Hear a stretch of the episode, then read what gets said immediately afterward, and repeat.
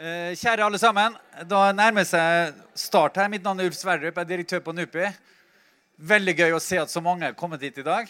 Eh, på NUPI så eh, jobber vi ofte med, Vi skal jobbe med utenrikspolitiske spørsmål. Så har vi to deler i vårt mandat. Det ene er å drive med forskning. Så er velkommen til å komme til våre forskningsaktiviteter og faglige seminar. I tillegg så skal vi bidra til å stimulere det ordskiftet i Norge om internasjonale forhold. Dette er et arrangement av den typen. Veldig gøy å se så mange her. Tusen takk til utenriksministeren og alle panelistene som eh, stiller her. EØS er 25 år i år. Verden forandrer seg. Europa forandrer seg. Og Det er på en måte ønskelig at vi i dag får vite litt mer om hvordan unge mennesker i Norge tenker om hvilket Europa de ønsker, og hvilken type Norge de ønsker i det nye Europa. Det er det ene. Det andre som skjer, er at vi i Norge forandres. Hvert år så fødes det 57 000 mennesker i Norge. Det betyr at det har kommet til ca. 1,4 millioner nye nordmenn siden EØS-avtalen begynte å gjelde. Og så har vi på andre siden også noen som har gått bort. Det dør ca. 40 000 i Norge hvert år. Så vi har mista ca. 1 million. Det betyr at det har vært en ganske stor utskifting av Norges befolkning. Og det er på tide at den nye befolkninga tar ord eh, del i ordskiftet. Som dere ser, jeg er da akkurat dobbelt så gammel som EØS-avtalen. Så, eh, så, jeg gir ordet til Eirik Bergesen, som skal ledes videre. Velkommen, alle sammen. Tusen takk, eh, Ulf. Mitt navn er da Eirik Bergesen. Jeg har jobbet med EØS. Men jeg gjør det ikke lenger. Eh, det føltes som er sånn, det er alkoholikere, anonyme alkoholikere. Eh, og, det er, og, det er, sånn, EØS kan man åpenbart ikke, ikke kvitte seg med. Eh, fordi jeg jobbet i, i UD i ti år. Jobbet med, med EØS på EU-delegasjonen. Eh, og det er nå ti år nå er det 25 år siden EØS-avtalen, ti år siden jeg hadde mitt personlige brexit. Eh, da jeg sluttet å jobbe med, EØS. Eh, og slutta i UD for å kommentere. Og det er veldig hyggelig å kommentere politikk, og ikke bare forvalte politikk. Veldig hyggelig å være her og kunne snakke om et tema som da berører eh, mine interesser og, og følelser med så mange mennesker. Applaus til det, syns jeg. Det er jo, er jo eh, Jeg skal ikke si det er overraskende, men eh, det er eh, det er veldig spennende. Eh, og er, jeg hadde noen sånn tagline om at skulle, vi skulle prøve å fall, om ikke gjøre EØS great again, så iallfall gjøre EØS greit igjen. Eh, i kveld, Men da, vi er i hvert fall på greit allerede, føler jeg. Eh, og så, eh, og Veldig hyggelig å se at det er så mange eh, unge her. Altså Denne kvelden har fått eh, tittelen 'Generasjon EØS'. Eh, utenriksministeren skrev en kronikk om, med den tittelen i dag. og de av dere som er her, som er pluss-minus 25 år, som er, eh, som er de som, som, er måte som er invitert. Og, men alle er invitert, alle er åpne for alle. Eh, men som vi hadde lyst til å nå spesielt ut til i, i dag, så man, lurte man jo litt på, eh, dere i NUPI og sikkert dere i UD også, men klarer vi å nå de? Eh, klarer vi liksom å det Facebook-algoritme klarer vi å snekre sammen den, som faktisk får folk til å komme. Eh, og ja, det har vi. Eh, det sitter mange oppe her. Og det er mange som streamer også eh, fra, fra YouTube-sidene til, til, Nupi. Så det er utrolig spennende. Eh, og, og, bare for å gjøre det litt urolig, da, med at dere først har tatt turen hit Det blir en quiz. EØS-quiz. Ja, eh, Det høres skummelt ut. Det er ikke så skummelt. Det er en survey-undersøkelse som NUPI har gjort. Um, som da rett og slett uh, har bedt unge om å svare på en spørsmål som handler det er litt om kompetanse, men det handler litt om holdninger til, til, EØS og EØS-spørsmål. Og det, vi, uh, det, er det ingen som vet svaret på. Bortsett fra, fra NUPI. De en svarene skal vi gå gjennom i dag. Og vi skal også måle litt hvilke holdninger og tanker dere har. Det er ikke altfor skummelt. Um, da eh, skal jeg begynne med å invitere opp på scenen den første i panelet. Vi har et ganske sammensatt og, og svært ungdommelig panel. vil jeg si. Eh, de kommer opp etter hvert som skal belyse ulike sider av, av EØS. altså både, både, hva det er, eh, hva det er for ungdom i dag, og hva det kan være. Altså Hvordan vi kan påvirke det, hvordan vi kan praktisere det på en litt annen måte. og litt mulige alternativer også. Det skal vi også innom. Men eh, folkens, eh, da er det veldig glad for å introdusere opp på scenen til, til en liten sånn introduksjonsintervju. La oss kalle det det. Eh, vår utenriksminister Ine Eriksen Søreide. Velkommen. Sitt her, du, Ine. Tusen takk. Um, altså, Jeg du, ser- jeg ser at mesteparten av generasjonen EØS står i baren. Jeg ser at det er stor del av dem.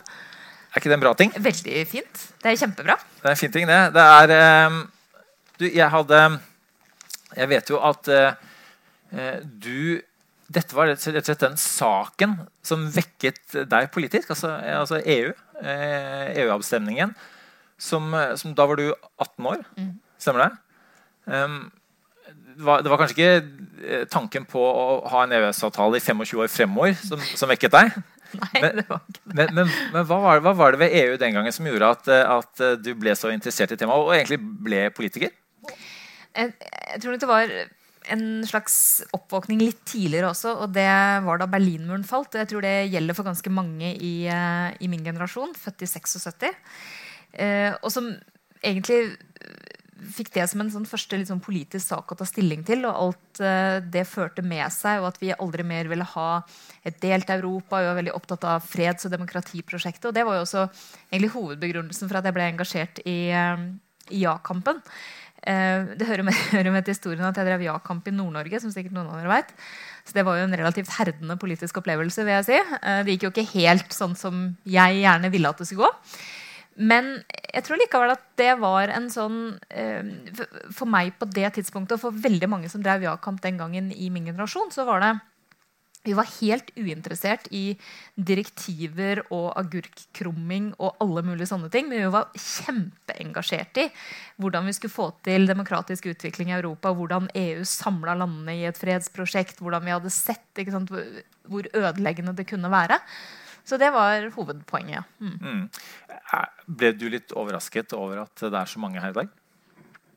Eh, ja, på en veldig positiv måte. Og jeg vet at det er til og med venteliste. Det er jo det er veldig positivt. Ja. Eller altså, ikke at folk ikke kom inn, det var ikke sånn jeg mente. Men eh, ah, det ble feil. Men eh, det er veldig positivt at det er så mange som engasjerer seg og har lyst til å komme. Eh, det er bra. Men hva er det som gjør at, eh, som gjør at man allikevel kanskje ikke snakker så mye om EØS? da? Eh, Man snakker om Europa, man snakker om eh, frihet, solidaritet, miljø, innvandring, alle disse spørsmålene som vi også skal snakke om i dag. Men man, man knytter det kanskje ikke så mye til EØS-avtalen. Og bare for å gi et lite hint til undersøkelsen, det er ikke sk- skremmende høyt nivå på EØS-kompetansen der ute. Men nei. Det, jeg tror det er, det er mange årsaker til, og det tror jeg også min generasjon og, og politikere også må ta sin del av skylda. fordi at vi etter EØS-avtalen kom til, så har jo på mange måter EU-debatten også dødd litt ut. Altså da, da jeg var aktiv, så snakka vi om EU absolutt hele tida. Altså var du politisk engasjert på den tida, så var det EU du snakka om. Det var, det var det som var liksom front and center. Det og skolepolitikk, da. Det, det har jo alltid vært her. Men det var liksom de tinga. Eh, og det var i alle debattflater. Det var eh, i avisene, var overalt. ikke sant? Den gangen man leste aviser og så på TV lineær TV. og sånn.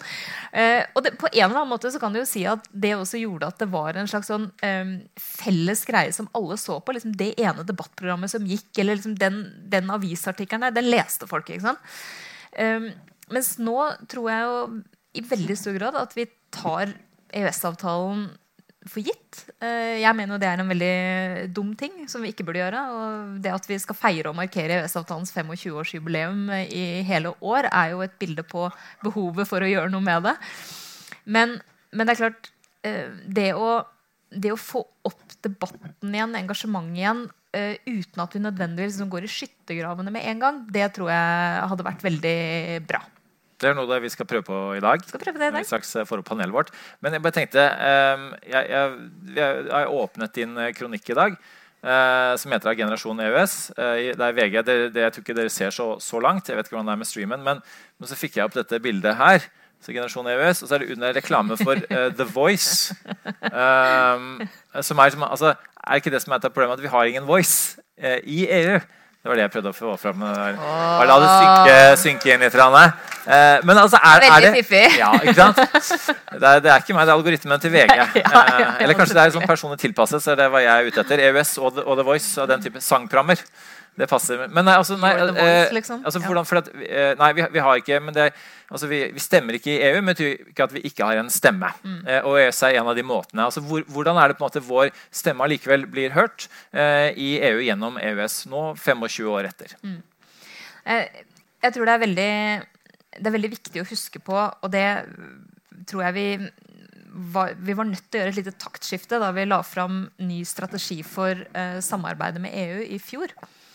Eh, fordi hvis dere har lest liksom, de ja, mange dokumenter som har, har vært, og det har ikke vært av ond vilje fra noen, tror jeg, men det har vært veldig prega av at jeg tror man har sett på EØS-avtalen som et slags sånn nødvendig onde på et vis. altså Egentlig ikke tatt den verken i forsvar eller mislikt den veldig sterkt. Den, den har vært der. Og så har jo veldig mye av strategien og veldig mye av diskusjonen båret preg av nettopp det. Sånn at samarbeidet med EU det har vært litt sånn ja, fordi vi må. Så vi skrudde om på det og sa at vi samarbeider jo med EU fordi vi vil. Fordi det tjener interessene våre. Og det jeg tror vi innimellom glemmer når vi diskuterer det, og det gjør jeg, det tror jeg alle gjør, det er at Europa er jo vårt kontinent, selv om vi ikke er medlem av EU. Og utviklinga her har ekstremt stor betydning for alle oss. Både generasjon EØS, de som kommer etter, de, som, de av oss som er litt eldre enn generasjon EØS. Og, og hvis vi klarer å huske på det, så tror jeg det blir enklere å få noe mer engasjement for det. Og det fins jo mange måter å påvirke på. Og gjennom EØS-avtalen så er vi jo veldig tett knytta sammen. Og selv om vi ikke sitter og stemmer rundt bordet, så påvirker vi jo regelverksutforming. Eh, vi påvirker eh, hvilken retning EU tar. Vi tar initiativer som f.eks. initiativet som statsministeren har tatt for å bekjempe arbeidslivskriminalitet og få med seg andre EU-land på det. Og det er jo fullt mulig selv om du ikke er EU-medlem. Eh, så vi har mange kanaler for å, eh, for å påvirke. Og så er det klart at vi når vi, som en relativt liten nasjon, vi er jo ikke så mange eh, Når vi har tilgang til eh, et hjemmemarked på 500 millioner mennesker for norsk eksport, eh, vi har felles standarder, felles regler, så er jo det noe som, som tjener interessene våre, og som vi prøver å påvirke i, i riktig retning. Og et godt eksempel på måten vi jobba på nå nylig, var jo da vi fikk unntak fra eh, EUs beskyttelsestiltak på stål. Fordi at USA da hadde innført nye tollsatser. Og det var det EØS-avtalen som gjorde. Men vi jobba jo selvfølgelig også med det politisk. Og jeg synes det er, ganske, det er ganske talende når vi og de andre EFTA-EØS-landene eh, som er EØS-land, får unntak. Men Sveits, som da har en stabel av frihandelsavtaler, får ikke unntak. For de er ikke tett nok integrert i økonomien. De har ikke felles regelverksutforming osv. Noen i opposisjonen eh, mente at det var fordi at, eh, kun fordi at eh, Norge hadde bedre diplomater enn eh, Sveits. Kan du avkrefte det? At eh, de som ble igjen i UD, ikke er så gode? At de klarer dette her uten EØS-avtalen? Jeg føler jeg var et lurespørsmål. Det var et ordentlig lurespørsmål. Ja, vi har jo fantastiske diplomater i UD, men vi har jo også en fantastisk EØS-avtale. Så det det ja, begge deler. Begge deler. Eh, eh, tusen takk, eh, Ine. Da skal vi få opp resten av panelet. rett og slett. Hvis dere kommer opp her, så skal jeg introdusere dere etter hvert, som dere eh, setter dere. Eh, gi dem en varm velkomst, folkens. Ine, hvis du setter deg Ja. Da eh, vil jeg bare eh, ønske velkommen eh, dere. Eh, og så begynner begynne på eh, Ved siden av Ine da, så, så sitter Øyvind Svendsen, som er vitenskapelig assistent eh, på NUPI. Skriver eh, doktorgrad om europeisk sikkerhetspolitikk ved Universitetet i København om dagen. Eh, ved siden av seg har han eh, Anne Lindholm, som er journalist eh, i, eh, i Radio Norge eh, og i Bauer Media. Og så har vi da Andreas Skjalg Underland, leder i Sosialistisk Ungdom, og Martine Tønnesen, leder i KrFU. Velkommen til dere. Til- eh, Begynne, jeg tror jeg skal begynne med første spørsmål. Ja. Og da er så salen med. Så da vil jeg at dere som sitter i panelet, også eh, rekker opp hånden. Og så er det dere som i, i, eh, i salen også rekker opp hånden. Eh, dere, er, det man er blitt spurt i survey-undersøkelsen Må Norge ha forpliktende internasjonalt samarbeid? De som mener ja til det, opp med en hånd. For en fantastisk gjeng. For sikkerhets skyld er de som mener nei til det. Opp med en hånd. Ok, 100% her, 88 eh, i undersøkelsen. Eh, det, var, det, her var bare for å varme dere opp, folkens. Eh, det var egentlig et retorisk spørsmål. I og med at dere først er her. Så det var det enkle. Det kom vanskelige spørsmål etter hvert. Men vi begynner med panelet her. Anne, vi snakker litt på forhånd om at du følte at du var litt sånn ungt alibi her. Eh, som, som ung samfunnsbevisst nyhets, eh, eh, jobber med nyheter. Mm. Følger med på nyheter. Eh, men, men har på en måte, jobber ikke med EØS. Eh, og, og, ja, du er det. du er det unge alibiet her. men og, hva, hva, tenker du Hva er det som mangler? Hvorfor er det sånn at utenfor denne salen så, så, er folk kanskje ikke så levende opptatt av EØS? Folk på min alder, eller generelt? liksom? Ja, altså ungdom. da. Ungdom. Generasjon EØS 25 pluss minus. Ja. Altså, mitt inntrykk er jo, som dere har vært inne på, folk veit ikke så mye, og folk bryr seg ikke så mye. Jeg tror Mye av grunnen til det er nok at siden vi altså All den tid vi har vært bevisste på at vi fins, så har EØS-avtalen vært der. Uh, og den har vært en del av status quo, liksom, og det stiller man ikke spørsmål ved hvis det funker. Uh, og det har funka greit, og det har ikke vært noe særlig trøbbel. Så da tenker vi at da, sånn er det. Så da stiller man jo ikke noe særlig spørsmål ved det, og da blir det ikke debatt, og da blir det ikke mer kunnskap om det. Mm. Um, det, var noen fra, fra, NHO som nevnte under årskonferansen at, uh, at jo mer at de, For da, den dagen var det litt kontroversielt med EØS-avtalen. Det har vært det, og, og det, er, stadig vekk det. Men da fagbevegelsen uh, og en del arbeidstakerrettigheter. Det skal vi snakke mer om etter hvert. Uh, men, men, men, det var, og da var det, så sa de at ja, men det er bra. for jo mer konflikt det er om EØS, jo mer diskuteres, jo mer øker oppslutningen om EØS. Eh, og hvis, er det noen av dere andre som, som høres det logisk ut? Ja, eh, Martine? Eh, for så vidt lite grann, da, men eh, jeg tror det som er viktig å tenke på er at vi som har vokst opp med EØS-avtalen, vi har aldri på en måte forholdt oss til den, vi har aldri diskutert den. vi har aldri, Til og med vi som på en måte er samfunnsbevisste litt mer enn å gjennomsnittet politisk engasjert, og veldig, jeg er veldig glad i EØS-avtalen, men jeg våkner jo ikke opp hver morgen og tenker liksom, hurra, vi er med i EØS, eh, fordi at det bare er en del av eh, samfunnet. Og der er alle de mulighetene jeg har, de, eh, de, bare tar jeg for gitt. At jeg kan dra og studere i utlandet, eller eh, dra på forskningsopphold et eller annet sted, eller eksportere varene mine hvis jeg skulle begynne å gjøre noe annet enn politikk etter hvert. Um, det har vi måtte, alltid fått lov til å gjøre. Um, og jeg tror eh, De eneste tingene vi diskuterer, det er på en måte de 5% av den avtalen som er veldig problematiske. Og jeg tror ikke vi skal, Det er deler av EØS-avtalen som ikke er sånn superbra også. Eh, og det må vi på en måte ta på alvor. Eh, men, så jeg tror delvis er svaret på spørsmålet ja. Vi kan få liksom, mer debatt om EØS og få mer ut hva den faktisk betyr. Men da må vi også diskutere eller få fram noen av de positive sidene, og ikke bare på en måte, de problematiske sidene ved Eh, EØS-avtalen. Eh, for det er veldig mye bra eh, som man aldri snakker om fordi man er fornøyd. Så um, Er det en rød og blå side i KrF på EØS? Dere alle?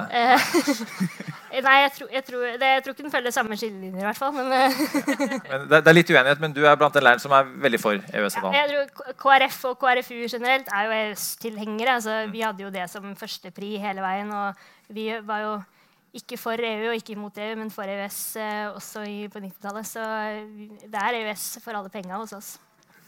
Eh, eh, Andreas, du er jo da leder i ESU, og Martine snakket om 5% som er vanskelig i EØS-avtalen. Hva tenker du om det tallet?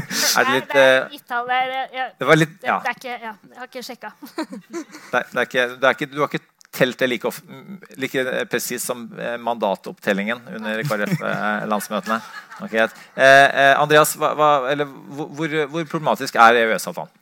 Um, jeg, ja, vi er jo en del Du skal slippe å komme med et prosenttall. Ja, ok. Eh, jeg kan prøve på det òg. Ja, gjør det. Ja, hva ville du ha sagt da? Nei, men da ville Poenget mitt vært at den EØS-avtalen man vedtok på 90-tallet, er ganske annerledes EØS-avtale vi har i dag. For det mekanismene i den europeiske integrasjonen legger nettopp til rette for at det er stadig nye områder stadig nye regler som inngår i denne avtalen hele tiden. Så jeg tror på en måte at den avtalen dere var veldig for i 90-tallet, egentlig en ganske annen avtale vi diskuterer i dag. Fordi den berører en del samfunnsområder. Og det vil jo man merke hvis man begynner å lese opp på debatten som var på 90-tallet, om hvilke områder man mente ble berørt av denne avtalen, og hvilke områder man mente ikke ble berørt. Der Gro Harlem Brundtland snakket en del om arbeidslivet og, en del regler, tariffavtaler sånn de mente var utenfor, så vi nå ser innenfor denne avtalen. Og Det er også en av grunnene for all den misnøyen man ser i fagbevegelsen, og med den økende EØS-skepsisen Men jeg skal jo innrømme at jeg òg blir 25 år i år, like gammel som EØS-avtalen. Eh, jeg har ikke brukt store deler av livet mitt på å tenke på eh, EØS-avtalen. Men så begynte jeg å reflektere litt rundt nettopp det at jeg har jo kanskje gjort det likevel, men kanskje ikke helt skjønt at det er EØS-avtalen jeg tenker på. På mange av de områdene jeg har vært opptatt av, og mange av de områdene ungdom er opptatt av når man ser i Ung data-undersøkelsen, da, som er liksom vår bibel, for det er den største undersøkelsen. Ja. ja, men den det, det er veldig sant. Eh, ok. Uh, men så den Undersøkelsen sier hva ungdom tenker om saker i samfunnet, uh, som viser at ungdom blir mer og mer usikker på fremtiden. flere ungdom tror de kommer til å oppleve arbeidsløshet.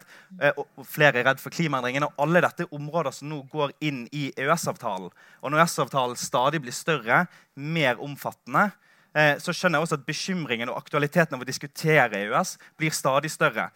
og i Sosialistisk Ungdom så er vi til tider veldig nostalgiske og glad å se liksom, tilbake på de store kampene og EU-kampene. Sånn jeg merker jo også skulle ønske jeg var der og virkelig sett de der brennende frontene når familiemedlemmer ikke ville snakke med hverandre, og man tagget og malte over hus og sånne ting, som virker utrolig, utrolig gøy. Eh, og ja, eh, Metaforbruken din er litt eh, haltende i dag, Andreas. Ja, eh, men jeg merker jo at når det engasjementet nå kommer opp igjen, og man virkelig det jeg kanskje har savnet i norsk politikk, er at vi tar de store diskusjonene. Hvilket samfunn vil vi leve i? Hva er synet på makt? Hva er synet på demokrati? Hva er internasjonalt samarbeid? Hva er egentlig solidaritet når vi diskuterer det? Mm. Den debatten føler jeg kommer med EØS-debatten. Og så håper jeg at du tar feil i det premisset du la, at jo mer vi diskuterer den, jo mer øker oppslutningen. Jeg har jo en litt annen agenda eh, der. Mm. Og håper jo nettopp at bevisstgjøring rundt at mange av de sakene vi diskuterer, har blitt flyttet ut av det norske Stortinget kom til Brussel, kommer inn til oss uten at vi har veldig mye vi skulle sagt. Det er ganske udemokratisk, veldig problematisk. Og den debatten om hva demokratiet er, den kommer med EØS-avtalen. Vi skal la utenriksministeren få, oppsummere litt nå, men, Øyvind, eh, først, du som jobber med dette her eh, akademisk, og jobber med de store spørsmålene. altså det å, å, um, å forsker, forske på det, og sikkerhetspolitikk er jo en av de tingene som er kanskje aller viktigste, og, og polariserende eh, også for unge mennesker i dag. Hvordan, hvordan, ser du det hele fra både et ungdommelig og et akademisk synspunkt? Jeg vil også være ungt alibi, for så vidt. Ja, alle er der. Bortsett fra oss. Ja. Du er yngre enn meg, da. Ja. Nettopp. For deg sjøl. Men det er jo, jeg synes jo dette med, altså, vi, vet for lite om EØS-avtalen. Vi diskuterer ikke EØS-avtalen. For det første, vi er født med EØS-avtalen. Den er der. altså Sånn er det bare. Altså, Schengen, jeg husker jo ikke Schengen heller. vi kan snakke om det. At vi kan reise passfritt, har vi for gitt. Jeg var kjempesint uh, for et par år siden da jeg måtte vise uh, ID-kort over broen i Danmark. Sant? Mellom Danmark og Sverige. Så det, den bare er der. Men det er jo, altså EØS-avtalen er jo kjempekjedelig. Det er jo en mellomstatlig avtale som ligger i lovverket. Vi kunne spurt om hvilken som helst internasjonal avtale i, i en survey og fått det samme svaret. Vi vet jo ingenting om det. De bare er der. Og det vi gjerne diskuterer, da, er de, de enkeltsakene. Sant? Og de enkeltsakene som har vært stridstema uh, hva gjelder EØS-avtalen, det er jo saker som Vi har ikke rukket å komme dit. Vi har jo ikke fast jobb ennå. Vi er ikke i jobb. Mm. Vi har ikke, det er arbeidslivssaker sant, som har vært uh, stridstemaene. Mm. Og de har ikke vi Vi har ikke vært med på de. Mm. Men, men, men er, er, du eh, Altså Innholdet i EØS-avtalen, altså sakene i seg selv, er jo, er jo, på en måte ting som, som, som er nevnt allerede her. Som, som, miljø, altså, Med en gang du snakker om frihet, rikhet, solidaritet, den type ting, så, så, så er det jo ting som folk, Da kobler man seg på debatten. Ja, jeg, tror, jeg, vet ikke om vi har opplevd en sånn, sånn type EU-debatt egentlig, om de store tingene. Nei. Sant? Jeg vet ikke. Jeg tror ikke det. Men, men, det er liksom Enten så er det Enten så er det EØS-avtalen undergraver vår suverenitet, eller så er det eh, ballonger fra UD, og EØS-avtalen er kjempebra. Sant? Og det er de to tingene. Sant? Jeg elsker EØS. Nå kommer altså, det. Ja. ja. altså Det er jo ja. ja. Ikke den fin? Jeg, er, jeg er balansert her, jeg, så jeg kan ikke ta stilling til det. Uh, men, eh, men, det er min T-skjorte. Uh, og, og, det er uh, Nei, altså, og det, og det, Men det jeg elsker, er nok EØS-debatt. da og, det har vi nå. Og, det tenker jeg altså som du hører, hører, noe av grunnene til at det ikke er EØS-debatt eh, her. Eh, så, så hva, hva, kan man gjøre for, å, for, å, måte, for at det skal være annerledes? Eh, også fordi at Uavhengig av, av om, om EØS-avtalen får større eller mindre oppslutning, mm. så er jo noe med debatt og, og, et visst konfliktnivå noe som engasjerer folk. Da, da blir det, det er ikke bare Facebook-algoritmen som kicker inn, men folk blir engasjert på en litt annen måte når tingene blir problematisert eller kanskje politisert litt. Mm. Men, men, jeg tror egentlig flere i panelet her har, pekt på ganske viktige årsaker til at det er sånn. Og, og jeg tenker også tilbake da jeg var eh, noe yngre, det er jo ikke så veldig lenge siden, eh, kun kort tid siden, eh, så var det jo også veldig mange saker som jeg ikke egentlig tok stilling til, for at det var en helt naturlig del av samfunnet.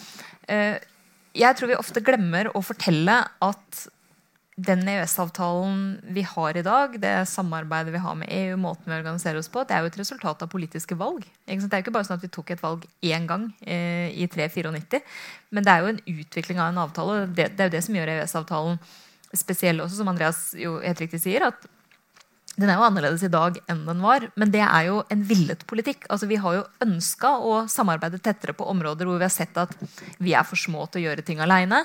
Eller vi har sett at uh, på enkelte områder, som f.eks.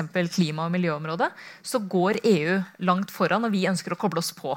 Sånn at, uh, det, det, er jo fordi vi har ment at det tjener interessene våre. Og så kan man være enig og uenig i at sant, noen områder uh, er man uenig i at gjort det, andre områder syns man er bra.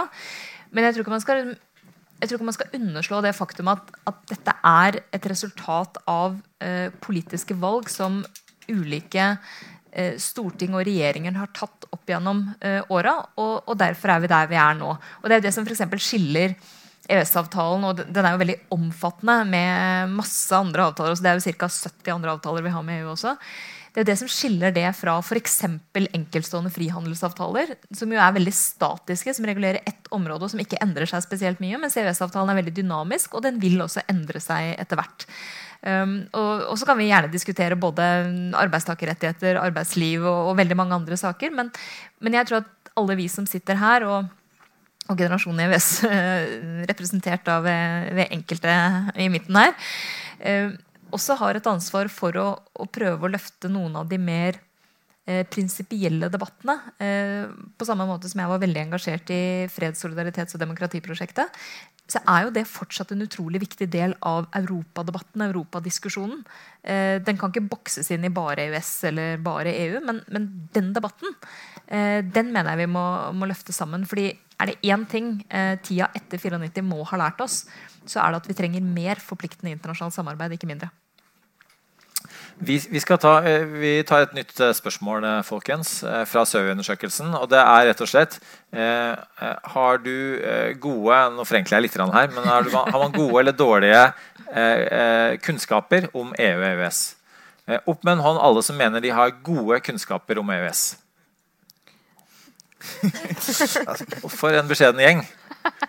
Eh, og mange har dårlige kunnskaper om EØS.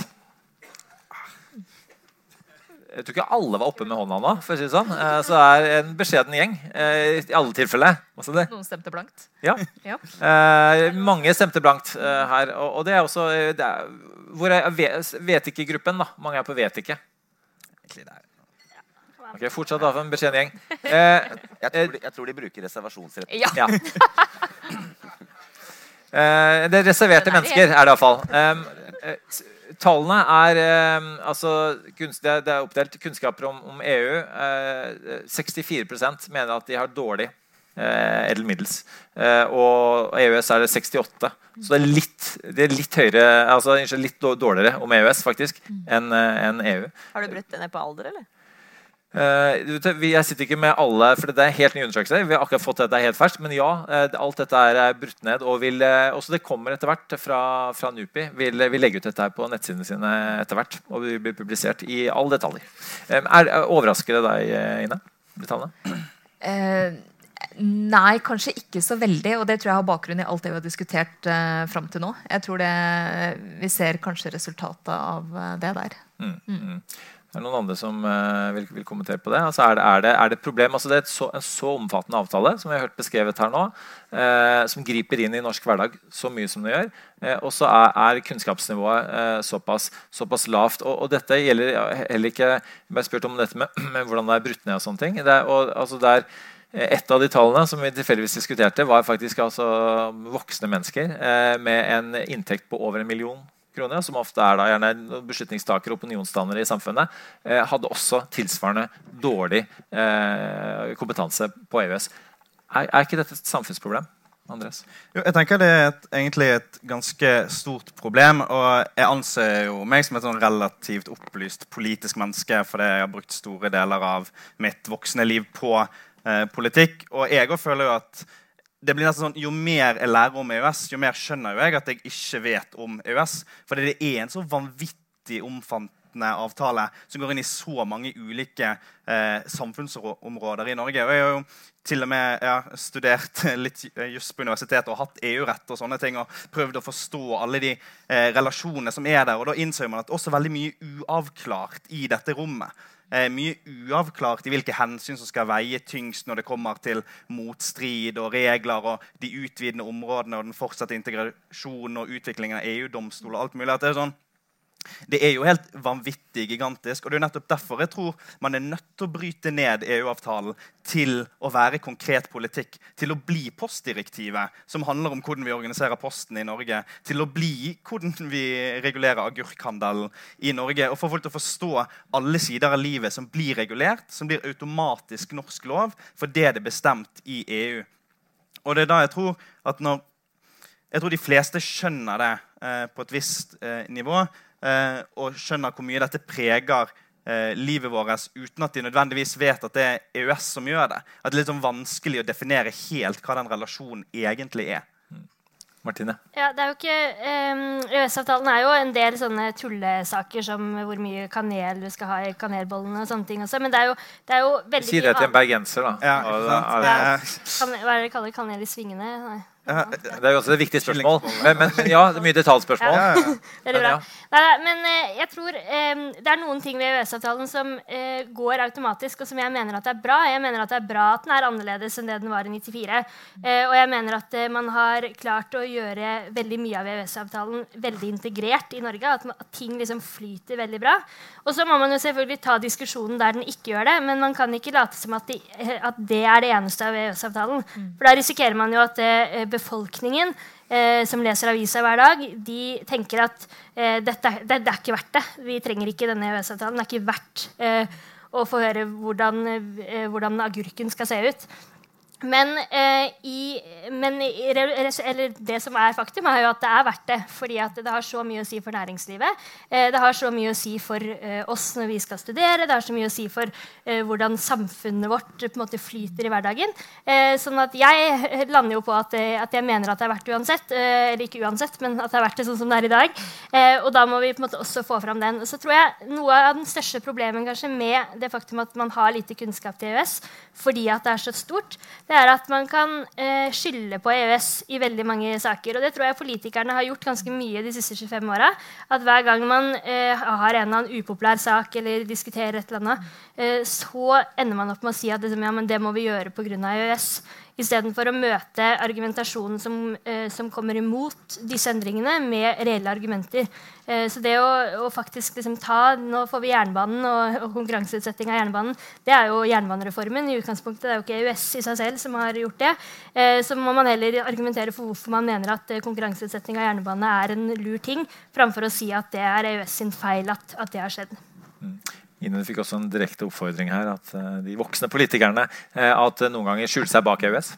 Men, men, jeg tror Martina har veldig rett. Og, og jeg, jeg, tror det er et par ting som er viktig å, å huske på i egentlig det europeiske debattklimaet som, som vi har nå. Eh, fordi at Hvis vi tar ACER som et eksempel, som jo ble en veldig stor debatt i Norge også så er det klart at det, og man kan være enig eller uenig i ACER. Men det, Kraftsamarbeid, ikke sant? Ja, ikke sant? Um, og vi er jo veldig, vi er veldig tett integrert i EUs energimarked eh, fra før, så for oss er, er, den viktig. Men jeg har jo sett debatten på Island, jeg har sett debatten rundt i Europa, vi så debatten i Norge. Eh, og, og, det som nok eh, som jeg synes var en vekker, var at den debatten plutselig tok opp i seg så veldig mye annet som overhodet ikke hadde med EØS å gjøre. Uh, og, og, Det betyr ikke at den debatten ikke skal tas, tvert imot. Men uh, den ble på mange måter en katalysator for veldig veldig mye annet eh, som vi ser av strømninger ellers i Europa også, i europeisk politikk, som jeg har vært bekymra for ganske lenge, og som jeg har litt sånn overskriftsmessig kalt helsetilstanden i europeisk politikk, som jeg, som jeg er veldig bekymra for. På mange felt og i mange land. og det ble en slags sånn, sånn, katalysator for det. Og jeg tror, jeg tror at sånn som eh, diskusjonen er nå, så tror jeg det er viktig at vi også minner om, helt uavhengig av om vi diskuterer et direktiv eller om vi diskuterer uh, si et stort eller lite EØS- og Europa-spørsmål, at noe av kjernen i forpliktende internasjonalt samarbeid er at du må også godta noe av det du ikke syns er helt topp, for å få det du mener er viktig for å ivareta interessene våre. Og, og, jeg lurer ofte på når vi diskuterer liksom alternativer til EØS-avtalen, at vi skal reforhandle eller skrote eller hva, altså Det er mange forskjellige diskusjoner. Ja, hva er alternativet? For, for meg så er det naturlige alternativet fullt EU-medlemskap. Det er det ikke så veldig mange i Norge som er enig med meg akkurat nå. så jeg må bare akseptere. Sånn er det. Men, men hva er eh, det andre alternativet? Altså Hvordan skal vi for nå hvordan skulle vi rygge ut av det tette økonomiske, politiske eh, samarbeidet vi har med EU på så mange områder, og fortsatt kunne ivareta norske interesser i distriktene. Hvordan skulle vi kunne ivareta eksporten vår? Det at liksom 170 trailere med fisk går over grensene uten eh, sjekk hver dag, har ganske stor betydning for verdiskaping i Norge. Så liksom, når, vi, når, vi, diskuterer den tanken om liksom at, eh, at, enten er alt bra eller så er alt dårlig, det er det selvfølgelig ikke. Men da må vi også tenke på hva er de reelle alternativene, og at vi uansett hvordan vi rigger oss, så må vi faktisk akseptere at vi ikke får alt som vi vil. Men det er, det, det er, summen som er det viktige. Uh, vi skal diskutere litt, litt, alternativer etter hvert også, men bare, bare spørre deg direkte oppfølging av det. Um, altså, er, er, det noe med altså, I en tid hvor det er en del antiglobale strømninger også, hvor, hvor, en del ikke minst internasjonale både avtaler og institusjoner eh, blir utfordret. Altså, er, er, det altså, på en måte, og, og altså er det på en måte også til og med kanskje EU kanskje også villig til å innrømme at EU har noen uh, ulemper ved seg. Uh, og, og, og, er, det da, det, men, men, er det sånn at debatten ofte blir sånn at, at, at enten, enten, er en avtale god eller dårlig, eh, og at man ikke forstår at en diplomatisk avtale mellom veldig mange land vil nødvendigvis ha en del åpenbare svakheter og, og, vil utvikle seg noen ganger i, i, i feil retninger som må justeres osv. Altså er på en måte forventningene kanskje litt for store til, til, til hva hva, en, altså en, mellomstatlig forpliktende avtale er? Mm. Enten det er EU eller EØS? Ja, det tror jeg nok. Og så tror jeg at når vi, når vi, ser en del nasjonalistiske, proteksjonistiske strømninger, vi ser fremmedfiendtlighet, vi ser en, en, sant, en, lang rekke strømninger som, som vi prøver å, å bekjempe. Eh, og når de finner veien gjennom på en måte, EU og EØS, som brukes som en sånn katalysator for denne debatten også, at alt som kommer fra EU er feil, at, så, så, blir jo debatten veldig polarisert også. Og så tør man liksom ikke helt å si at nei, det er ikke alt ved EØS-avtalen som er bra. det er ikke alt ved EU som er bra. Den debatten jeg følte vi kanskje hadde mer av i 94, som var, var litt mer overordna og litt tydeligere på liksom, verdiene som lå i bånn, den er ikke like enkel å ha i dag. Mm. Ja, Øyvind først. Ja, det er jo eh, det er nå jeg skal si at det er da det er så dumt å ta på seg 'Jeg elsker EØS-T-skjorta' og feire med ballonger. fordi at det er ikke sånn EØS-avtalen føles rundt i Norge. Kanskje. Men, men, humor, men, men, men er det, det, men, det ironilaget da, som også ligger bak den T-skjorta altså, hvorfor, hvorfor, er ikke det mulig å kommunisere det? Man kan, øh, hva da, Ironien? Ja. Den kan man selvfølgelig kommunisere, men jeg tror ikke det er det man ønsker. kanskje å Og, og, spøke med EØS? Det er, faktisk, det, er et, det er, et, større poeng, selvfølgelig. Det er ikke noe galt med å, å feire med ballonger. men Eh, og de, de, som ikke, de, som ikke, liker det, følger ikke Europadelegasjonen heller, som, som sendte dette ut på, på Facebook. Men, men eh, det handler om at mitt argument blir vi må ha EU-debatten. Vi må faktisk ha EU-debatten. EØS-generasjonen trenger en EU-debatt. Ok, Så du får ikke, ikke EØS-debatt uten EU-debatt? Er det det du sier? Eh, jeg tror det. Jeg tror vi må løfte det opp til en EU-debatt på sikt. fordi At, eh, og, det, og, da er jeg jo litt redd nå, for jeg forsker på brexit. Så jeg vil si det at det, ja, jeg er enig i at saker er viktig. Og, og, det er mange problematiske saker, fordi det er problematiske sider ved EØS-avtalen også. Men hvis, hvis, vi i Norge, da, som er relativt Vi er jo en, vi er jo en godt utdannet befolkning. Vi kan ikke så mye om EU og EØS. Men det kan ikke europeiske befolkningen heller. Altså, de blir spurt om dette hele tiden. De kan ikke noe mer enn oss. Og og Gjør de ikke det? og så er det, er det omtrent helt likt? Eh, om det er helt likt tallene, vet jeg ikke. Men de, de, heller har ikke spesielt god kunnskap. Nei. Og britene har kanskje minst. Sant? Og i britene har de diskutert bananer. Og, eh, og der står de i en situasjon nå som, som ikke er eh, ser ut til å være særlig gunstig for britene heller. Sånn at derfor tror jeg det er, Når vi tar den debatten om det er mer uten T-skjorte og ballonger, så, eh, så, er det, eh, så tror jeg den må være mer prinsipiell. Og jeg, jeg, det, er, det er rent anekdotisk, men jeg tror også at, eh, at ideen fra NHO om at en sånn debatt faktisk vil, vil styrke tanken om EU i, Euro, i Norge, det, det, tror jeg, det, jeg ser for meg det også. For jeg gjorde nemlig min egen lille survey. hvis jeg kan si det. Fordi eh, Dere spurte jo ikke om hva folk mener om EU-medlemskap. unge mener om EU-medlemskap. Vi får det innimellom, da. Ja. Disse spørsmålene eh, fra Vi spør om EØS-avtalen, så det skal Ja, vi snakke om etterpå. Fordi den støtter vi. sant? Men 80% er jo imot. Også blant unge. Så de vet ingenting om EU. De støtter EU, de støtter EØS-avtalen, for den har vi levd med. Det var der vi starta. Den har vi levd med hele livet. Samtidig som de som selvfølgelig skal vi ikke inn i EU. Det, det virker som at vi må ha en debatt. Uansett hva man mener at det blir. Eh. Anna, er, er det et paradoks, eh, dette, dette med, med, med EU og EØS, altså at, som beskrives her? Altså er det nå, nå- får jo du eh, Du skal slippe å være representativ for hele eh, den unge generasjonen her. Men, men, altså, som journalist, da eh, det, nå, Når du hører på politikerne og akademikerne, altså, hva, hva, tenker du rundt, eh, rundt debatten? Er du enig eller uenig i det som blir sagt her? I at man trenger en debatt. Ja, ja eller at, at Det- den, Hvorfor man trenger en debatt, og hvordan, den kan, eh, hvordan man kan få debatten? Jeg, Okay, må, må, man, må man snakke om EU? Mange spørsmål her. Må man snakke om EU eh, for å, må man liksom polarisere og ha en medlemsdebatt for å kunne snakke om EØS? Når alle disse tingene i EØS-avtalen er så viktige? For å ta debatten først, Er tatt, altså Jeg er helt enig i at vi trenger en prinsipiell debatt. Eh, fordi det er lenge siden vi har hatt den. Altså, som du sier, du var 18, liksom. Eh, og fordi, altså Siden da så har Må det det jo er lenge. Ja, nei, da, Nei, sorry. sorry. Det er det. Du har helt Nei, da, men jo, jeg er enig i at vi trenger en prinsipiell debatt. Uh, fordi man stiller ikke de store spørsmålene. Uh, man stiller altså, saksspørsmål, man stiller spørsmål om GDPR og mentolsigaretter, men man stiller ikke de prinsipielle spørsmålene. Og det tror jeg nok er ja, Vi har jo vært inne på det, men altså, avtalen har ligget Vi har hatt den siden 94, og selv om den har endra seg litt, så har det vært små endringer som ikke har vært noe særlig oppe til debatt. Og jeg tror det også er liksom noe av det som skjer med internasjonale avtaler som ligger så fast, er at vi har ikke en slags syklisk vurdering av det, som vi har av regjeringer. Vi har, altså vi, det er ikke på valg. Vi velger ikke hvem som representerer oss heller nå. Representerer våre interesser i Brussel. Så man har liksom ingen typ, syklisk greie som gjør at man tar opp debatten igjen. da. Men, a- a- apropos syklene og apropos dette med EU. altså eh, Hver generasjon, mer eller mindre, da, hvis du sier sånn pluss minus 25, har fått anledning til å stemme om EU-tilknytningen. Eh, bør denne generasjonen eh, Bør det bli en medlemsdebatt eh, pga. nettopp det? Altså, på altså syklusene? At, at, at nå er det på tide at denne generasjonen får si hva de mener om det? Ja, det, det ser ikke noe i veien med det. Altså, det er jo alltid bra å åpne for sånn debatt, og hvis det gjør at vi snakker om det, og gjør at vi setter oss inn i det, så Dere andre? Ja, eh, jeg tror det kunne vært positivt. Altså, vår generasjon har aldri fått lov til å si hva vi mener om EØS-avtalen. Hvor stort problem er det? Eh, jeg syns det er et veldig stort problem. Og det jeg synes er litt sånn problemet til, med egentlig resonnementet ditt, da, Ine, er jo at man, man diskuterer og, hva er egentlig alternativene til EØS-avtalen. Eh, og så føler jeg at spesielt Høyre og egentlig Arbeiderpartiet har ikke lyst til å diskutere hva egentlig alternativene til EØS-avtalen er. For vi, altså SV har jo foreslått på Stortinget kan vi utrede, se, finne ut hva er faktisk alternativene våre. Og da stemmer dere imot hver eneste gang. Så jeg synes, altså, Det henger liksom ikke helt på greip, den argumentasjonen. For det, det kommer forslag jevnlig fra oss. Kan vi ha alternativer? For jeg er enig i at vi skal ikke bare si opp avtalen og så seile vår egen sjø.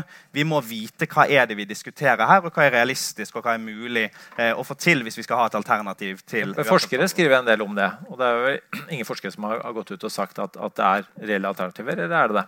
Det er jo reelle alternativer, og det går inn litt på det som er eh, det kompliserte med EØS. Der jeg føler at en del av EØS-tilhengerne sier at en del ting er en del av EØS-avtalen uten at det nødvendigvis er en del av EØS-avtalen. Og det var inne på også tidligere. Vi har mange handelsavtaler med EU som ikke er EØS-avtalen. Vi har hatt frihandelsavtaler og vi har hatt eh, mange ulike samarbeid med EU lenge før vi ble del av EØS-avtalen. Og mange av de delene som går på samarbeid, standardiseringen i Europa, eksempel, er ikke underlagt EU. Det er underlagt andre organer, og det er flere land enn EU som er med. Altså, det er jo mange ting vi gjør med EU som har veldig lite med EØS-avtalen å gjøre. Og det er der jeg syns man mangler kanskje den helt sånn ærlige debatten når man diskuterer både for og imot, og at man ser at det blir så polarisert veldig fort med hva er faktisk EØS-avtalen, og hva er de andre handelsavtalene. Altså Hadde vi sagt opp EØS-avtalen i dag, så hadde vi gått tilbake til frihandelsavtalen vi har fra før med EU. Det er det som hadde skjedd på dagen. Vi, vi, vi, kan, vi, vi får nesten, når vi først har utenriksministeren her, eh, stille det spørsmålet. Eh, og, eh, og, det, og, Du kan også fortelle hvorfor eh, dere ikke ønsker å stemme på det. Eh, men, men, men, spørsmålet er også lurte jeg på, altså, Donald Trump reforhandlet NAFTA-avtalen, frihandelsavtale. Mm. Hvis Donald Trump kan gjøre det, kan ikke, kan ikke dere også gjøre det? Men, jeg tror vi er, vi er, for så vidt inne på en, en kjerne her. fordi eh, Man kan jo si at det er mange ting som også ligger utafor EØS-avtalen. Eh, samtidig som du jo også var inne på i stad, at stadig flere ting blir en del av, eh, av EØS-samarbeidet. Det er jo fordi vi vil det, fordi vi mener det, det er bra for, for, norske interesser. Men liksom hovedkjern, altså, ryggraden i EØS-avtalen er jo tilknytninga vår til det indre marked med fri bevegelighet av personer, varer, tjenestekapital. Det å skulle gå tilbake fra det og f.eks. ikke ha den samme adgangen til 500 millioner mennesker eh, av et marked som Tyskland og Sverige har, det er klart det ville ha enorme konsekvenser.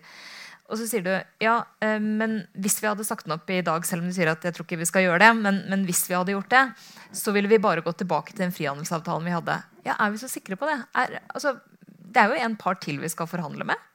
Altså, I dag har jo eh, Jeg synes vi kan se på det som skjer med brexit nå, som et ganske godt eksempel på hvor vanskelig det er å skulle sikre sine interesser bedre ved å eh, være mindre integrert i økonomien. Og jeg tror vi også må ta på alvor at det er et scenario som er høyst relevant også for Norge og andre EØS-land dersom man skulle komme til at man ville ut av EØS. Så er det ikke sånn at vi da kan liksom cherrypick hva slags avtale vi vil ha med EU. Eh, og tenke at, at liksom, jo, men EU vil uansett være interessert i, i dette. Eh, jeg tror det vi ser med, med Storbritannia nå, er et, en viktig påminnelse om at den tette integrasjonen har selvfølgelig også noen sider som, der vi ikke liker alt. Men den har jo en, en side som handler om sikkerheten og forutsigbarheten som også norsk næringsliv og norske altså dere og jeg er avhengig av. Noe av det vi får flest spørsmål om med tanke på brexit, det er borgernes rettigheter.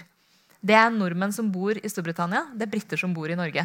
Og Det var også det første vi måtte løse. Sånn det, det, er klart det berører folk. Eh, det er det ingen tvil om. Og det å da skulle liksom rive opp de avtalene jeg, tror i hvert fall ikke vi skal være jeg tror ikke vi skal være liksom, si, overpå og tenke at vi uansett bare kan velge og vrake i hva slags tilknytningsform vi da vil ha, og at det vil ivareta interessene våre på samme måte. Mm. er det nei på Trump og NAFTA? Gjør som Trump? ja, men poenget er, og Det er det som har vært litt av, av mitt poeng i de diskusjonene også.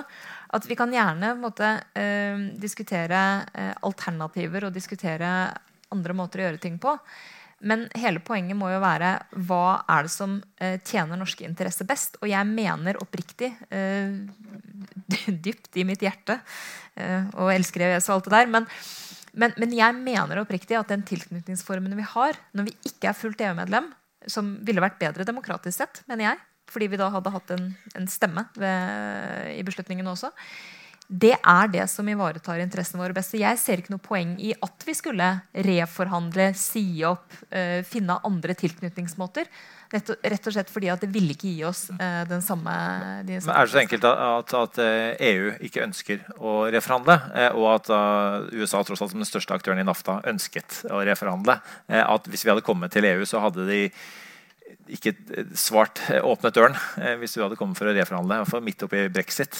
Ja, jeg, tror, jeg tror, i hvert fall ikke vi skulle gjort det akkurat nå. Det, sånn. det, tror jeg kunne vært, det ville vært generelt en god strategi. Men, men også det, er, det er et eller annet med at vi jeg tror vi må liksom legge vekk den tanken om at eh, det er opp til oss å bestemme hvordan EU ville respondert på det, og hva de ville gitt oss. Mm. Martine? Ja, eh, den EØS-avtalen er jo en dynamisk avtale. sånn at det du kan gjøre er jo å prøve å forbedre den så mye du kan, selv om, når man er innenfor den avtalen. Eh, så jeg, eh, vi, Både SU og KrFU er jo veldig opptatt av klima og flyktninger. Og, og, jeg ser jo for meg at EU har en veldig viktig del i Eh, noe gjør de allerede, klimakvoter og en del flyktningpolitikk. og sånne ting, Men jeg tror jo at i fremtiden så er man helt avhengig av internasjonalt samarbeid som for EØS-avtalen er, for å løse en del av de store utfordringene som kommer. Eh, og Da må man jo heller prate om hvordan man skal løse, hvordan, hvordan avtalen kan være med å bidra. Eh, hvordan, eh, hvordan, avtalen kan være med å bidra politisk for å få løst de aller største utfordringene som vi står overfor. Eh, og Derfor har jeg alltid syntes at det er litt rart at eh, SV som på en måte, vi er, vi er veldig ulike, men veldig like på noen ting. Og klima og miljø er en av de sakene.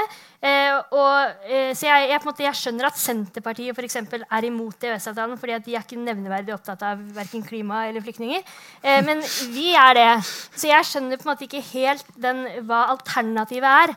Eh, å, som ville vært så mye bedre. Som man også kan være helt trygg på at man faktisk får i møte med, med de andre europeiske landene. så jeg vil ikke åpne døra Altså, det er jo dårlig gjort å si, sitte som politiker og si sånn Jeg vil ikke høre hva, hva folk mener. Eh, men jeg vil høre hva folk mener, og kan godt uh, åpne opp døra for en eller annen sånn meningsutveksling på, på EØS. Men eh, er jo, man, da er man jo helt avhengig av å vite hva alternativene er, og eh, ha en godt opplyst debatt. Og, altså, sånn, det kan ikke være eh, helt baluba som i noen andre land. Ja, eh, og i noen andre partier, senest i fjor høst. Men nå har det roa seg litt, da. Ja. Men, men, men uh, Martine, uh, det var et uh, godt stikk til akkurat det vi skal prate om nå. eller det vi skal måle nå, nemlig om EØS-avtalen er god eller dårlig. det har vi nemlig tall på. Så hvor mange her mener at EØS-avtalen er en god avtale? Opp med. Jeg har litt usikkerhet her. Hvor mange mener det er en dårlig avtale? Det var ganske få, eh, faktisk. Eh, det sier kanskje litt om salen, vet ikke. Eh, men vet, ja, vet ikke gruppen? Vi tar med den nå. Ja. Det, er også, det er flere enn de som syns var en dårlig avtale. Eh, tallenes tale er at 71% av befolkningen mener det er en god avtale. Og faktisk enda flere blant unge. 76% Det er, er, jo interessante tall. Er det noen som har lyst til å kommentere på det? Ja. ja. Eh, det er jo uh, interessant surveyfunn. Altså, ja. Fordi de har jo også sagt at disse, nesten samme antallet mennesker, unge mennesker har sagt at uh, de ikke kan så mye om EØS-avtalen. Så det er vanskelig å ha sterke motforestillinger mot noe man ikke vet noe om. Ja. Uh, så det er jo litt sånn det er Kanskje talende. Og også nok et argument med at vi må ha en europadebatt uh, for EØS-generasjonen. Fordi vi, vi, er jo ikke med på dette. Vi vet jo ikke hva det går ut på. Ja. Og Da er det jo også lett å like det. Hvis det bare virker. Dere andre? Ja, er det damene først? Eh, nei, eh, jeg syns det er interessant. Det er jo, hvis, jeg, hvis jeg skulle tippa, så ville jeg tippa ca. det. For jeg ville bare lagt sammen eh, hva de ulike partiene har fått i stemmer de siste årene. Men eh, eh, det, som, det, som, er litt viktig der, er at man ikke sånn, sånn, sånn som meg, som er for den EØS-avtalen og mener at det er en bra avtale, at ikke vi hviler på det faktum at det er eh, høy oppslutning på EØS-avtalen, at man fortsetter å vise fram hva det er som er de positive sidene. Fordi eh, I mediebildet så leser du på en måte bare om de negative sidene. Og da risikerer du å få en, eh, en, eh, følelse av at dette er det ikke verdt, og eh, det, det er bare negative sider med EØS-avtalen. Eh, så, så, selv om dette er på en måte oppløftende tall, så trenger vi fremdeles å snakke om det og snakke positivt og snakke opp den avtalen. ikke minst de som opplever den til hverdagen. Næringslivet, eh, bedrifter, eh, enkeltpersoner eh, som, som måte, tjener på EØS-avtalen, og vise det og vise det til, eh, til, resten av befolkningen. Men hva er, er det som gjør hva er som gjør at vi da syns at så mange altså 71% er jo et umulig i våre dager polariserte dager å samle 71% for eller mot noe som helst. og så er, altså, er 71% for EØS, samtidig som som du sier, Martine, det skrives en del negativt om EØS-avtalen. Altså, Hva er det som gjør det at EØS-avtalen er så populær ute i befolkningen? Hva er det? Anne? Nei, jeg, tror, jeg tror, du var inne på det. Altså, vi vi veit jo ikke bedre. Altså, eller altså Nei, men altså, det funker som det gjør. Vi har ikke noen store problemer med det. Og da er det helt ok. Da er det fint, liksom. Ja, hva, men hva er det vi føler funker, uh, funker godt? Hva er det ved avtalen som, som vi mener fungerer? Jeg vet ikke, altså jeg tror hvis folk altså det, Når man har direkte erfaring med noe som blir påvirka av EØS-avtalen Hvis man skal studere utlandet, eksempel, så funker det greit. Og hvis det er den eneste befatningen man har hatt med EØS, så tenker jeg at ja, ok, greit.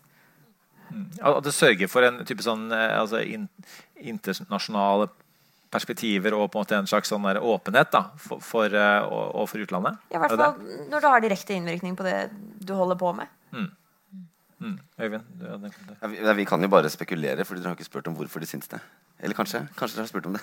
Fordi, men, fordi, så det er jo en sammenheng her, en interessant funn, men vi kan jo bare spekulere i hvorfor Mm. det er sånn. Mm. Uh, det er liksom forskerens svar, da. Ja. ikke, det ligger ikke hvorfor i disse dataene. Ja, men, men, mens, mens journalistens svar vil jo være å spekulere tross at du ikke har tallene foran deg.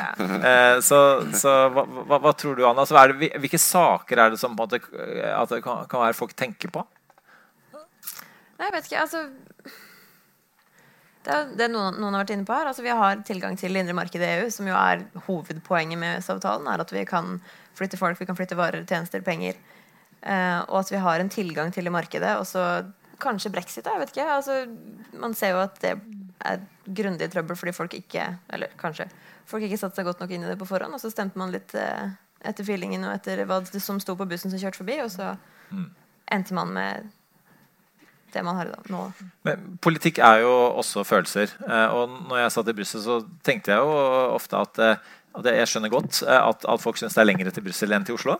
Jeg skjønner godt da at det, at det systemet, eh, alle de store bygningene og sånt, at det er, er fremmedgjørende. Eh, eh, og, men hvordan, og, og, altså når vi tross alt først har en her, eh, Øyvind, som sitter midt oppe i brexit nå, bokstavelig talt, for det er, det er, nå er det crunch time i, i parlamentet, eh, og du sitter og forsker på dette her. Hva, hva var det eh, hva, hva, var det som utløste brexit? Eh, hva var det, altså, det er, altså, følelser, ja, men, men er, er ikke det en naturlig del av, av politikken? Eh, Følelser er alltid en del av politikken. Mm. For øvrig så tror jeg Ine sitter tettere opp i brexit enn meg, selv om jeg skriver en aldri så liten doktorgrad om det. Ja. Men eh, eh, Storbritannia er et spesielt land. Og det er også Norge. det kan vi godt snakke om Men, men, eh, Ja, alle vi, men vi har, vi, har, vi har hver vår historie. sant? Og britenes historie er, eh, er knytta til imperiet. Det er jo det stikk motsatt av vi- hva vår historie er knytta til. Og derfor er vår EU-skepsis litt annerledes enn britenes. Men britene eh, var eh, primært eh, anti-immigrasjon. Det var ideen om suverenitet. Storbritannia er en suveren stormakt som en gang seilte de, de syv hav. Eh, og så var det eh, sviktende nasjonaløkonomi. altså Folk ble fattigere. Så De tre faktorene er vel de forskerne har pekt på at det er det mest sentrale. Men, men er man, man, de har jo latterliggjort litt, litt brexit eh, her i Norge. eh, på ulike måter. Men er det er litt, sånn, litt manglende empati for, for, for tross alt den, den fremmedgjøringen som man har åpenbart har følt da, eh, i, i Storbritannia og overfor eh, altså et system som, som EU? Jeg vet ikke, jeg, Om vi latterliggjør brexit Jeg vet ikke, jeg tror ikke vi latterliggjør de folka som stemte for brexit. Det opplever jeg ikke. Vi latterliggjør kanskje de som eh, skal få brexit til å funke, fordi de får det ikke helt til. Og det er ganske eh, vanskelig. Og EU gjør kanskje, spiller sin rolle for å få eh, Storbritannia til å ikke se så bra ut. De har jo sine interesser, de også. Mm. men Så det har vi latterliggjort. Og så har vi latterliggjort kampanjene. fordi de det var to kampanjer som var basert på hvordan bananer er bøyd. sant? Det er det vi sa i sted, Hvis vi skal ha en europadebatt i Norge, så må den være mer opplyst enn at det handler om den type polemikk. Og det var ganske, ganske kort valgkamp. Man rakk, på måte ikke, rakk ikke de rundene som vi hadde i Norge, tross alt. Uh, bare minne folk om at, at eh, nei-flertallet i 1993 var ganske høyt da også. På, var på 70-tallet, og- så brukte man da eh, og så, så ble det nesten 50-50, i hvert fall, eh, basert på, på fall en, god diskusjon, hvor man så kanskje som Ine sier, så mer fordeler og ulemper eh, enn en, en man kanskje gjør i, i dagens debatt. Men du ville kommentere det? Ja, for jeg, for jeg er enig med Even at jeg, jeg tror ikke noen egentlig eh, latterliggjør brexit, eller for så vidt de som, eh, som stemte for. Eh, og jeg tror mange av de bekymrer Noen gjør det. ja, Kanskje ikke alle. noen, Nei, det kan godt hende. Men eh, ingen sitter her i panelet, i hvert fall. Nei. Eh, men jeg tror nok at eh, det var en, en, sant, en sammenstilling av av flere ting også som gjorde det. Det ene er jo at eh, i mange europeiske land så har det etter hvert også en del marginaliserte grupper. Det er veldig lett å skyte på EU, eh, eller EØS for den del, eh, for det som er feil. Eh, globalisering, eh, migrasjon, alt ble liksom en stor eh, grøt. Og det er jo, som Evin sier også, migrasjon og fri personbevegelse som er liksom det som hovedargumentet, i tillegg til liksom felles regelverksutforming som, som britene ikke vil ha. Og det er jo det som er ironien i at eh, noen nå snakker om en Norway Plus eller EØS-modell, som jo er akkurat det britene ville bort fra. Eh, og, og det kan man jo, den diskusjonen må britene ta, men, men, men likevel. Men det, det man jo glemmer i de diskusjonene, er at eh, det er jo i veldig mange sammenhenger dårlig nasjonalpolitikk som har gjort at flere for ikke får ta del i en velferdsutvikling og en velstandsutvikling. Eh, det er jo ikke globaliseringa som sådan eller EU som sådan, det at man ikke har hatt eh, god nok eh, nasjonal fordelingspolitikk. Um, det andre er at jeg mener det var dårlig politisk lederskap fra David Cameron og Det konservative partiet. Og det kan jeg si, som er konservativ og har det som har Torian som søsterparti. Fordi man så at de strømningene var i ferd med å bygge seg opp, kombinert med veldig mange andre ting. og de gikk på migrasjon, det gikk på globalisering, det gikk på en del ja, altså mange, Mye liksom proteksjonisme og mye mer alenegang. Eh, og i stedet for å måte, konfrontere den debatten, så mener jeg at han, på en måte, ikke bare han, men også partiet, ga etter for å forsøke å skape ro i rekkene i det konservative partiet, uten å ane hva konsekvensen av det ville være. Og det mener jeg er liksom noe av årsaken til at man kom dit man kom. At man, man ikke ville, eller var villig til å ta den debatten som man burde tatt som en politisk leder. Slipper eh, Storbritannia inn i EØS hvis det blir brexit? Altså Storbritannia har jo ikke ønska det, rett og slett. Um, og det er jo fordi de ikke ønsker fri personbevegelse. De ønsker ikke felles regelverk og standardisering. Um, en av komiteene i parlamentet gikk inn for det. Ja, Men det som er paradokset på mange måter, er når du snakker med briter og britiske politikere om hva EØS faktisk innebærer og er, um, så er det jo mange som oppdager at det er noe helt annet enn det de har tenkt. Og det er mange som også kaster det inn i debatten uh, bare for å ha et slags alternativ å snakke om.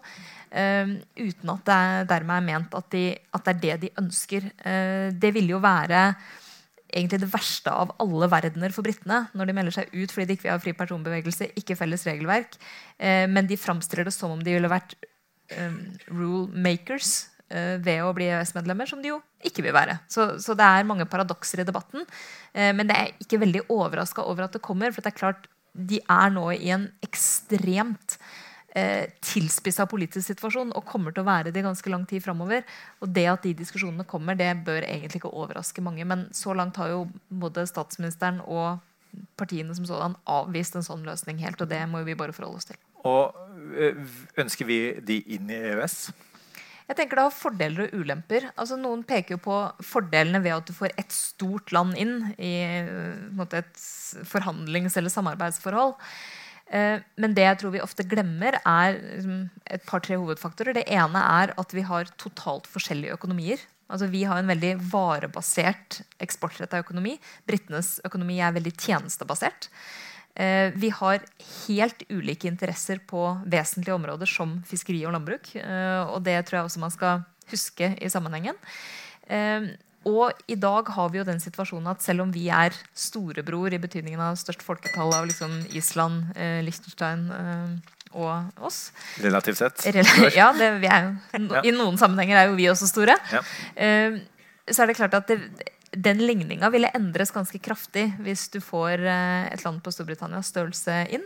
Eh, så ja, fordeler og ulemper, og det måtte man jo selvfølgelig diskutere hvis det ble aktuelt. Men det er, liksom, det er ikke noe stor grunn til at vi på toppen av alt som foregår i Storbritannia, skal liksom begi oss inn i store spekulasjoner om de vil inn i EØS, så lenge de så tydelig har avvist det. Og da forholder vi oss til det.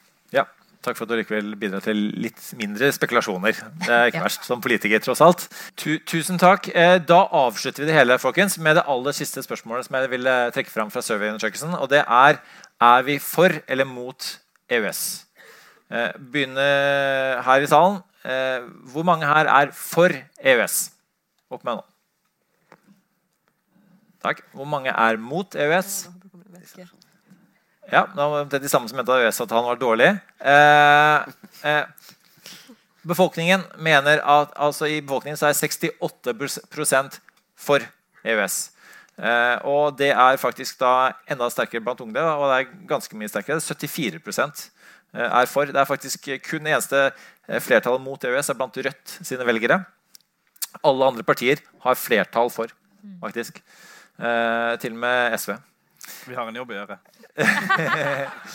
Eh, og dere har en jobb å gjøre folkens, med å spre det glade budskap om EØS uh, ut, i, ut, i, de miljøene dere kommer fra. Uh, vi må kunne si noe såpass, Det er såpass politisk balansert å kunne si at, at man ønsker å få mer EØS-debatt der ute. Og med det vil jeg på vegne av, av eh, NUPI eh, takke for at eh, paneldeltakerne kom, utenriksministeren kom, og for at dere kom hit i dag. Takk skal dere ha.